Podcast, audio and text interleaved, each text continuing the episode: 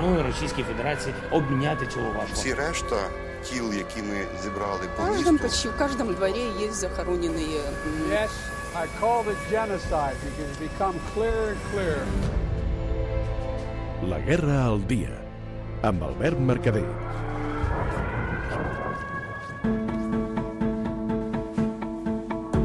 Bona nit. És dilluns 25 d'abril i us parlo des de Kiev, la capital d'Ucraïna. De fet, des del costat mateix de plaça Maidan, que és el punt neuràlgic de la ciutat i un dels llocs més emblemàtics del país. És precisament aquí, a plaça Maidan, on podem situar un dels diversos punts de partida que ens serveixen per explicar tot això que estem vivint aquests dies a Ucraïna. Amb aquella onada de protestes, l'Euromaidan, que l'any 2014 van fer caure el govern del president Yanukovych i el seu intent de frenar la integració d'Ucraïna a la Unió Europea. De fet, com diuen allí, de aquellos polvos, estos lodos. El que el 2022 ens ocupa és una guerra, conseqüència, entre d'altres coses, d'aquest allunyament progressiu d'Ucraïna de la influència russa. Avui, però, el que més ens serveix per explicar el dia és aquest so.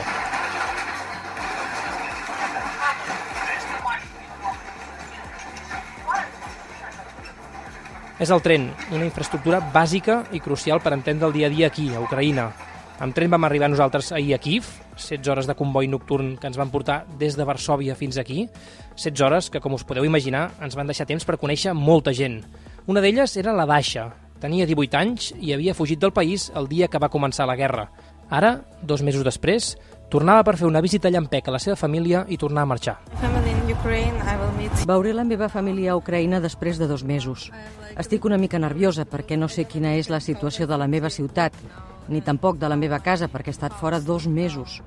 No tinc plans per tornar a Ucraïna perquè encara és perillós. Ukraine because it's uh, still dangerous. 16 hores d'anada i 16 de tornada, clar, i sort del tren, perquè per carretera seria pràcticament impossible.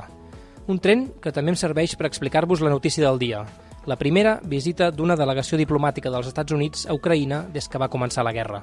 I una delegació del més alt nivell, eh? ni més ni menys que Anthony Blinken, el secretari d'Estat de la Casa Blanca, i Lloyd Austin, el secretari de Defensa del Pentàgon, dues de les figures més importants de l'executiu del president Joe Biden.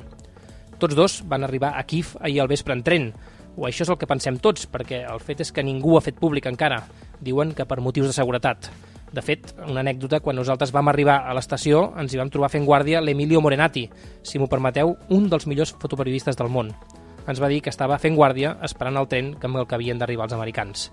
Però vaja, que encara no hem vist la foto d'arribada. En tot cas, de la reunió dels nord-americans amb el president Zelensky n'ha sortit més ajuda militar, una nova injecció de calés i aquesta previsió d'Anthony Blinken. Escolteu quin optimisme que desprèn. Pel que fa als objectius de la guerra, Rússia està fracassant i Ucraïna ho està aconseguint. El que sabem és que una Ucraïna sobirana i independent durarà molt més que Putin. I tornant al que us deia, ja us podeu imaginar que amb la majoria de carreteres destrossades pels combats o plenes de checkpoints militars, el tren està sent bàsic per poder evacuar civils de les zones de combat. Moltíssima gent, molts refugiats l'han fet servir per creuar el país i per fugir de la guerra, ja fos per creuar la frontera o per establir-se temporalment a Lviv o zones de l'oest. Doncs bé, aquest matí ens hem llevat amb la notícia que l'exèrcit rus havia bombardejat 5 estacions del centre i de l'oest del país, 5 punts per on passen la majoria d'aquestes rutes de sortida. A hores d'ara sabem que han deixat 5 morts i 18 ferits. Ah, i la xarxa ferroviària de cap per avall. De fet, avui hem estat a l'estació central de Kiev i tots els trens, tots, anaven acompanyats d'un senyal d'alerta. Tren retrasat per bombardeig.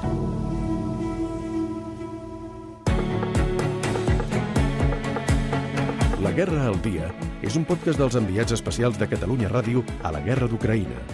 Josep Plazas, Carla Verdés i Albert Mercader.